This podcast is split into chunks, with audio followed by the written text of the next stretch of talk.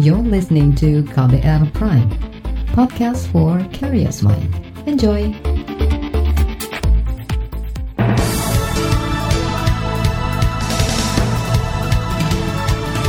Selamat pagi saudara, senang sekali rasanya saya Reski Mesanto hadir kembali pagi hari ini di program Buletin Pagi edisi Kamis 17 September 2020.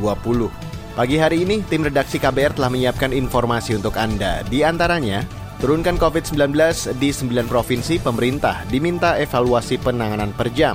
Puluhan anggota TNI ditetapkan sebagai tersangka penyerangan Mapolsek Ciracas dan tim Solidaritas Rakyat Papua kembalikan uang beasiswa pegiat HAM Papua Veronica Koman. Dan saudara inilah buletin pagi selengkapnya. Terbaru di buletin pagi. Saudara, jumlah pasien positif COVID-19 di Indonesia terus saja meningkat. Data situs Kementerian Kesehatan kemarin melaporkan kasus positif bertambah lebih dari 3.900 orang. Penambahan ini menjadi rekor kasus virus corona harian tertinggi di tanah air sejak kasus pertama muncul pada 2 Maret lalu. Saat ini total kasus COVID-19 secara nasional mencapai hampir 229 ribu. Sementara untuk pasien sembuh kemarin bertambah 3 ribu orang, sehingga total sembuh menjadi lebih dari 164 ribu orang. Namun angka korban meninggal juga bertambah yakni 135 orang. Dengan penambahan ini, total meninggal akibat virus corona menjadi lebih dari 9 ribu. Provinsi DKI Jakarta menempati angka positif harian tertinggi, yakni lebih dari 1.290 orang pada Rabu kemarin. Sementara itu, Saudara Presiden Joko Widodo menugaskan Menko Bidang Kemaritiman dan Investasi yang juga Wakil Ketua Komite Kebijakan Penanganan COVID-19 dan Pemulihan Ekonomi Nasional Luhut Binsar Panjaitan, serta Ketua Satgas Penanganan COVID-19 Doni Monardo menangani COVID-19 di sembilan provinsi, yakni DKI Jakarta, Jawa Barat, Jawa Tengah, Jawa Timur, Sumatera Utara, Kalimantan Selatan, Sulawesi Selatan, Papua, dan Bali. Ada tiga target yang harapannya bisa dicapai dalam dua pekan, yaitu menurunkan penambahan kasus harian, meningkatkan angka kesembuhan dan menurunkan angka kematian pasien virus corona. Berikut pernyataan Kepala Satgas Percepatan Penanganan COVID-19 Doni Monardo. Tugas utamanya yang menekan angka positif ya melalui tentu saja eh, apa namanya operasi justisia, dan manajemen perawatan, kemudian apa namanya eh, rapid test, kemudian tracing itu semuanya dilakukan secara eh, masif ya secara efektif gitu agar angka bisa ditekan dan kesembuhan eh, apa meningkat.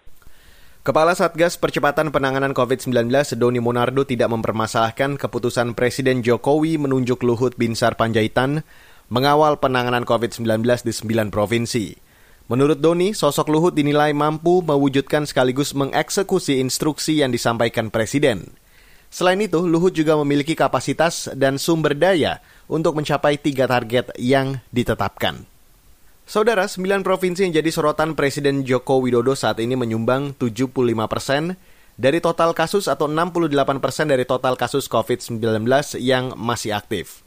Di Sulawesi Selatan, hasil penanganan COVID-19 diklaim sudah cukup berhasil. Ketua Tim Konsultan Gugus Tugas COVID-19 Sulawesi Selatan, Ridwan Amiruddin mencatat, tingkat kesembuhan berada di angka 77 persen atau lebih tinggi dibanding angka nasional yakni 70 persen. Angka kematian tercatat 2,9 persen atau lebih baik dibanding angka kematian tingkat nasional yaitu 4,2 persen.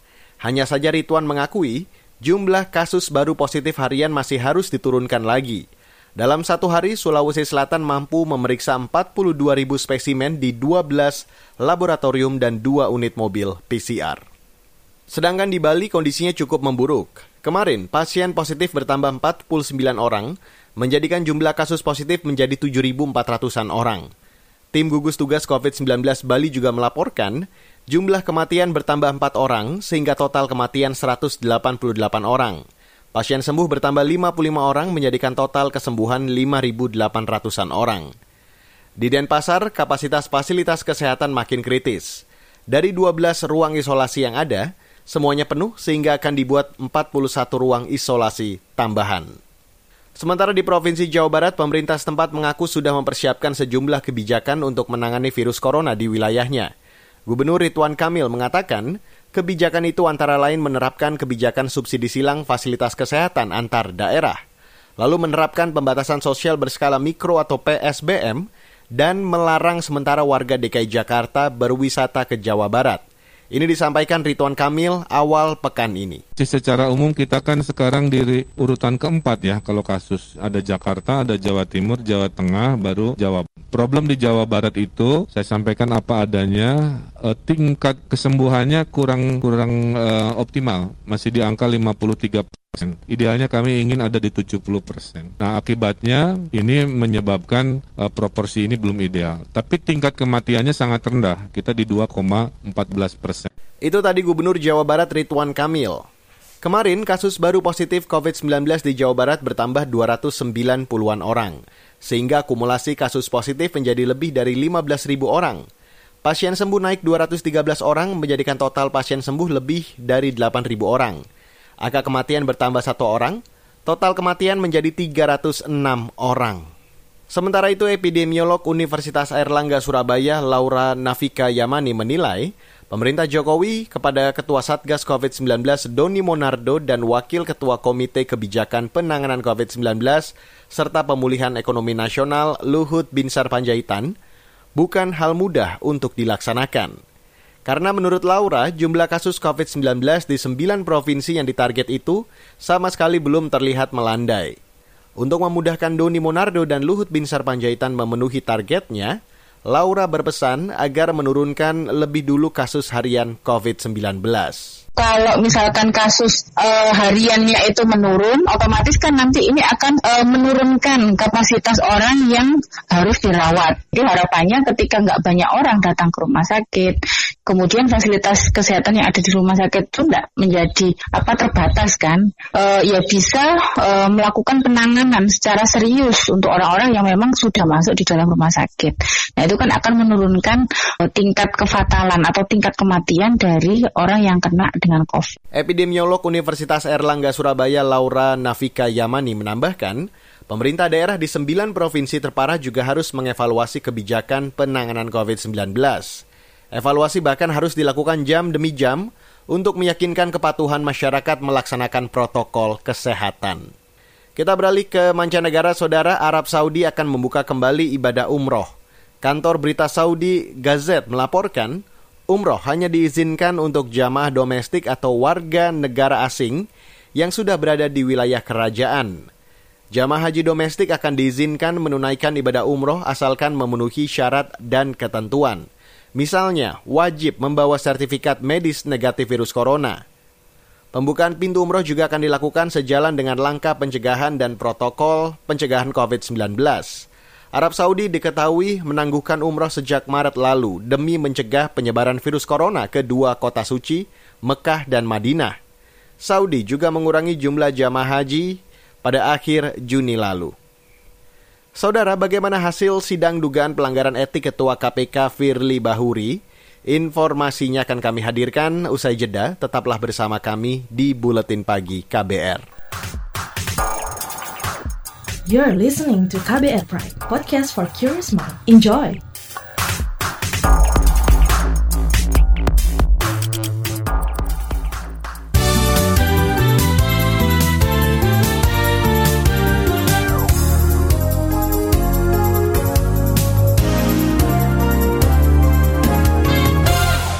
Saudara Anda masih bergabung bersama kami pagi hari ini di Buletin Pagi KBR edisi 17 September 2020. Dan siaran KBR mengudara melalui lebih dari 500 radio jaringan di Nusantara. Kita lanjutkan Buletin Pagi hari ini. Komisi Pemberantasan Korupsi atau KPK membantah penilaian sejumlah pihak yang menuding Dewan Pengawas KPK lambat memutuskan dugaan pelanggaran etik Firly Bahuri. Juru bicara KPK Ali Fikri menyatakan Dewan Pengawas sudah merampungkan pemeriksaan dugaan pelanggaran etik Ketua KPK Firly Bahuri dan Ketua Wadah Pegawai KPK Yudi Purnomo. Kata dia, penundaan sidang putusan etik karena mengutamakan kesehatan, pasca diketahui sempat ada kontak antara Dewas KPK dan pegawai KPK yang positif COVID-19. Jadi alasan kenapa kemudian uh, penundaan sidang etik itu dilakukan. Kita tentu berharap yang terbaik sehingga uh, penundaan pembacaan putusan uh, sidang majelis etik yang nanti akan di dilaksanakan pada tanggal 23 September 2000, 2020 tersebut dapat terlaksana sesuai dengan rencana. Itu tadi juru bicara KPK Ali Fikri. Sementara itu, Lembaga Indonesia Corruption Watch atau ICW khawatir penundaan sidang etik terhadap Ketua KPK Firly Bahuri akan dimanfaatkan pihak tertentu untuk mengintervensi hasil putusan. Peneliti ICW Kurnia Ramadana menyebut, penundaan putusan sidang etik juga membuktikan lambannya kinerja Dewas. Sebelumnya, Koordinator Maki Boyamin Saiman melaporkan Firly Bahuri ke Dewas KPK karena diduga melanggar etik terkait bergaya hidup mewah. Firly ketahuan menggunakan helikopter milik swasta dalam perjalanan pribadinya di Sumatera Selatan. Saudara jumlah prajurit TNI yang ditetapkan sebagai tersangka penyerangan Mapolsek Ciracas kembali bertambah. Komandan Pusat Polisi Militer atau Dan Puspom TNI Edi Ratemuis mengatakan ada puluhan prajurit TNI sudah ditetapkan sebagai tersangka.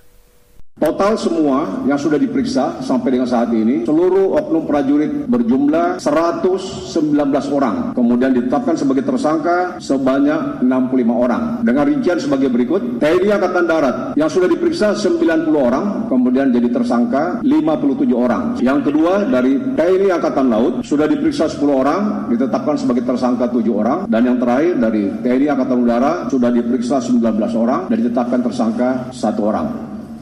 Itu tadi dan Puspom TNI Edi Ratemuis. Sementara itu berkas perkara akan dilimpahkan ke auditor di Pengadilan Militer Jakarta jika penyidikan rampung dan tidak ditemukan lagi tersangka tambahan. Nantinya semua hasil penyidikan akan disidangkan di peradilan militer. Akhir Agustus lalu puluhan hingga ratusan orang menyerang Mapolsek Ciracas di Jakarta Timur. Kejadian itu dipicu berita bohong terkait penyerangan terhadap anggota TNI berpangkat Prada Sejumlah kendaraan dan infrastruktur rusak akibat peristiwa tersebut. Selain itu petugas dan masyarakat sipil juga terluka. Kita beralih ke informasi ekonomi, saudara. Usulan pembubaran Kementerian BUMN dinilai bertentangan dengan undang-undang dan tidak sesuai ekonomi Pancasila. Anggota Komisi Bidang BUMN di DPR, Herman Hairon, menyayangkan pernyataan Komisaris Utama Pertamina, Basuki Cahayapurnama alias Ahok, yang mengusulkan supaya Kementerian BUMN dibubarkan lebih baik Pak Ahok e, membuat pembinaan, kemudian pengawalan supaya Pertamina untung dan Pertamina lebih baik ke depan. Tentu kewenangan yang diberikan sebagai komisaris utama memiliki kewenangan penuh gitu. Dan kalau kemudian bahwa Pertamina performanya turun, rugi, nggak usahlah bikin uh, aneh-aneh gitu ya dengan membuat statement yang uh, keluar ke mana-mana. Dalam pandangan saya lebih baik perbaiki saja Pertamina supaya lebih baik. Anggota Komisi Bidang BUMN di DPR Herman Hairon mengingatkan semua semua BUMN memang harus efisien dan tidak boleh bersaing antar sesama BUMN. Sebelumnya, Komisaris Utama Pertamina Basuki Cahaya Purnama alias Ahok mengusulkan pembubaran Kementerian BUMN. Alasannya karena banyak tata kelola perusahaan negara yang selama ini tidak efisien. Kita beralih ke berita olahraga, saudara para penggemar sepak bola Inggris akan mulai bisa menonton pertandingan langsung di stadion meski pandemi COVID-19 belum mereda. Sebagai percobaan, pengelola tiga kompetisi liga di bawah Liga Premier atau EFL mulai bulan ini akan mengizinkan seribu penonton datang ke stadion. Agenda mengembalikan penonton ke stadion memang menjadi prioritas karena banyak pelaku sepak bola di Inggris merugi akibat kehilangan pendapatan penjualan tiket. Juru bicara EFL menegaskan seribu penonton yang hadir harus mematuhi protokol kesehatan, yaitu mengenakan masker dan menjaga jarak. Saudara, laporan khas KBR bertajuk Kisruh Pembangunan Rumah Dinas Pendeta di Aceh Singkil akan kami hadirkan usai jeda. Tetaplah bersama kami di Buletin Pagi KBR. You're listening to KBR Pride, podcast for curious mind. Enjoy!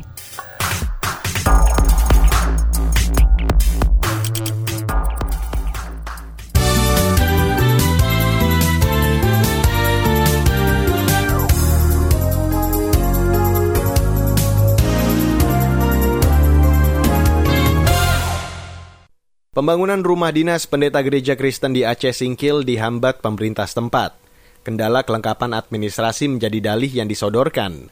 Kisru ini dikhawatirkan bakal membesar mengingat ada jejak kelam intoleransi di Aceh Singkil.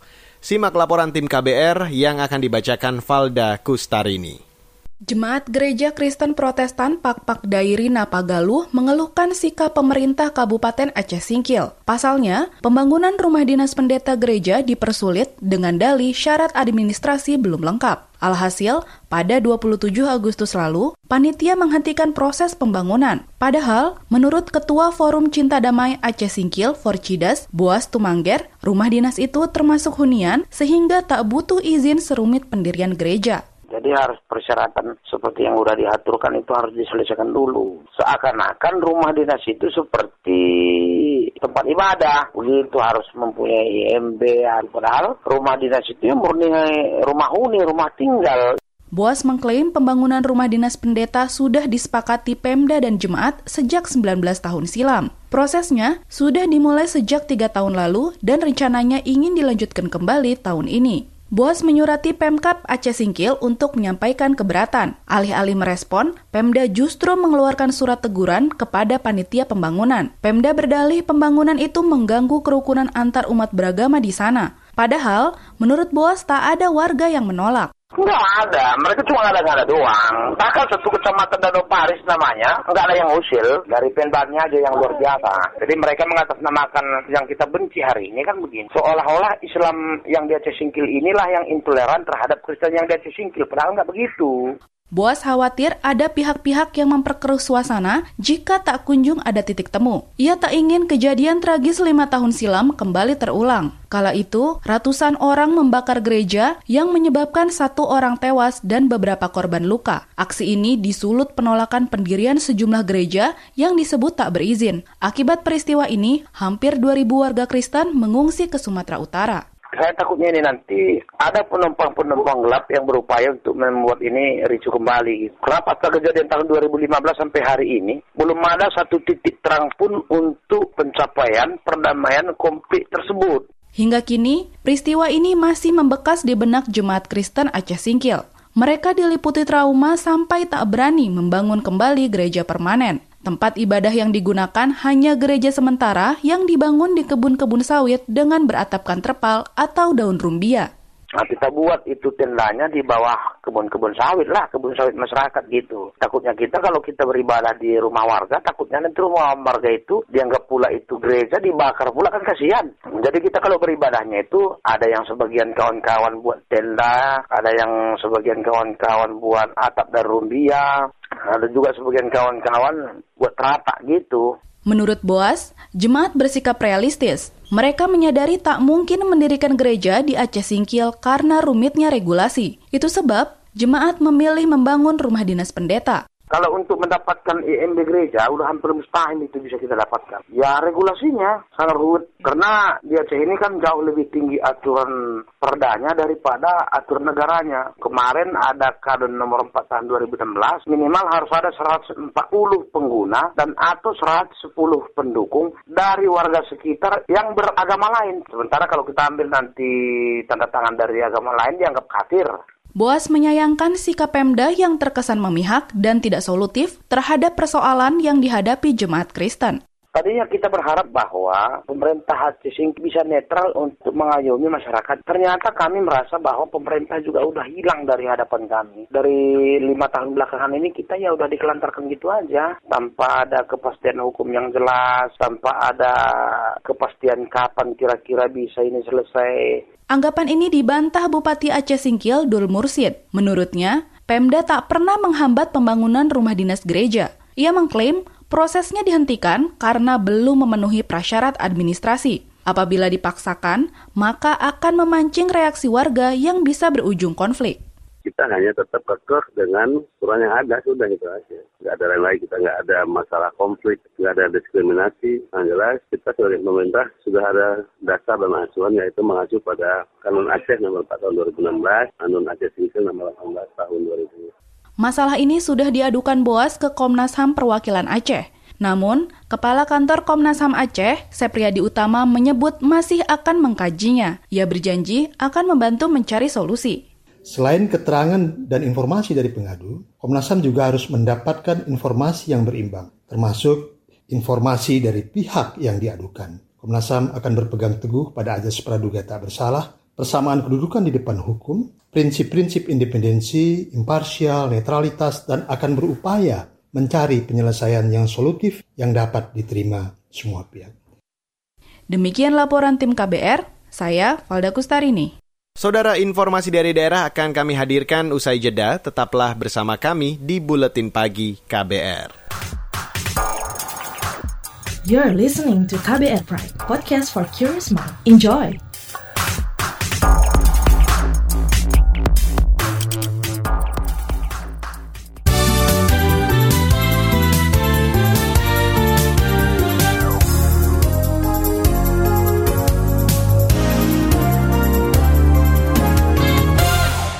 Terima kasih Anda masih bergabung pagi hari ini di Buletin Pagi edisi 17 September 2020 bersama saya Reski Mesanto. Dan inilah bagian akhir Buletin Pagi hari ini. Saudara, tim Solidaritas Rakyat Papua mengembalikan uang beasiswa Lembaga Pengelola Dana Pendidikan atau LPDP Kementerian Keuangan kemarin. Uang tersebut milik pegiat HAM Papua Veronica Koman untuk menempuh pendidikan magister di Australia 4 tahun lalu. Tapi karena kantor LPDP masih tutup akibat status PSBB DKI Jakarta, tim akhirnya mentransfer uang tersebut. Menurut salah satu anggota tim, Markus Haluk, dari kantor Kementerian Keuangan, tim bergerak ke kantor Kementerian Polhukam.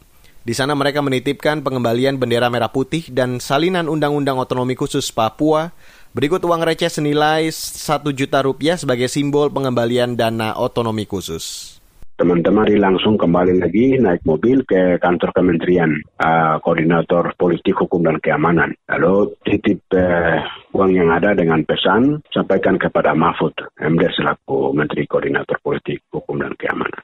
Setelah itu pulang. Itu tadi anggota tim solidaritas rakyat Papua Markus Haluk. Sebelumnya, pegiat HAM Papua Veronica Koman mengaku diminta mengembalikan uang beasiswa yang pernah ia terima. Tapi manajemen LPDP dikabarkan membantah tudingan Veronica.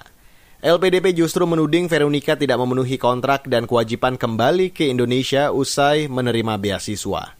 Kita ke Jawa Tengah, Saudara. Pemerintah Provinsi Jawa Tengah berjanji akan memediasi warga yang menjadi korban pelanggaran hak asasi manusia.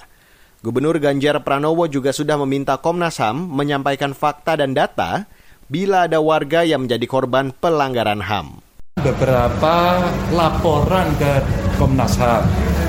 Artinya minta klarifikasi. Maka tadi saya usulkan kalau ada kasus seperti itu lebih baik clearance-nya satu aja, Mas. Kirim dulu ke sini, terus kemudian nanti minta datanya gitu kan, datanya diberikan, terus di overlay, di mediasi. Dan mediasi, itu mau mediasi. Maka hmm, tadi disampaikan Pak Gub minta bantuan, tak dukung 100% karena kami kemarin menyelesaikan beberapa itu bagus gitu. Gubernur Jawa Tengah Ganjar Pranowo menegaskan siap menindaklanjuti setiap laporan dari Komnas HAM, termasuk memanggil pihak-pihak terkait untuk mediasi.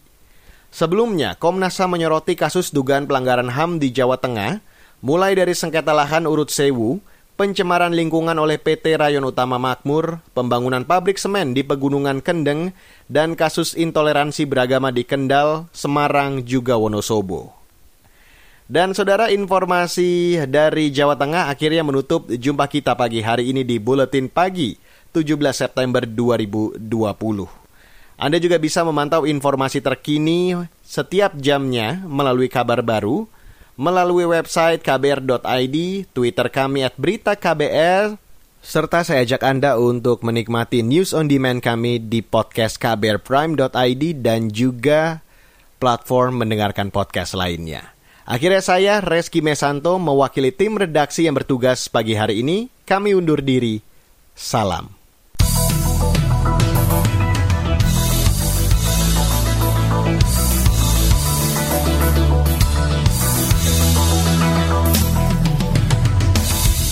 KBR Prime, cara asik mendengar berita.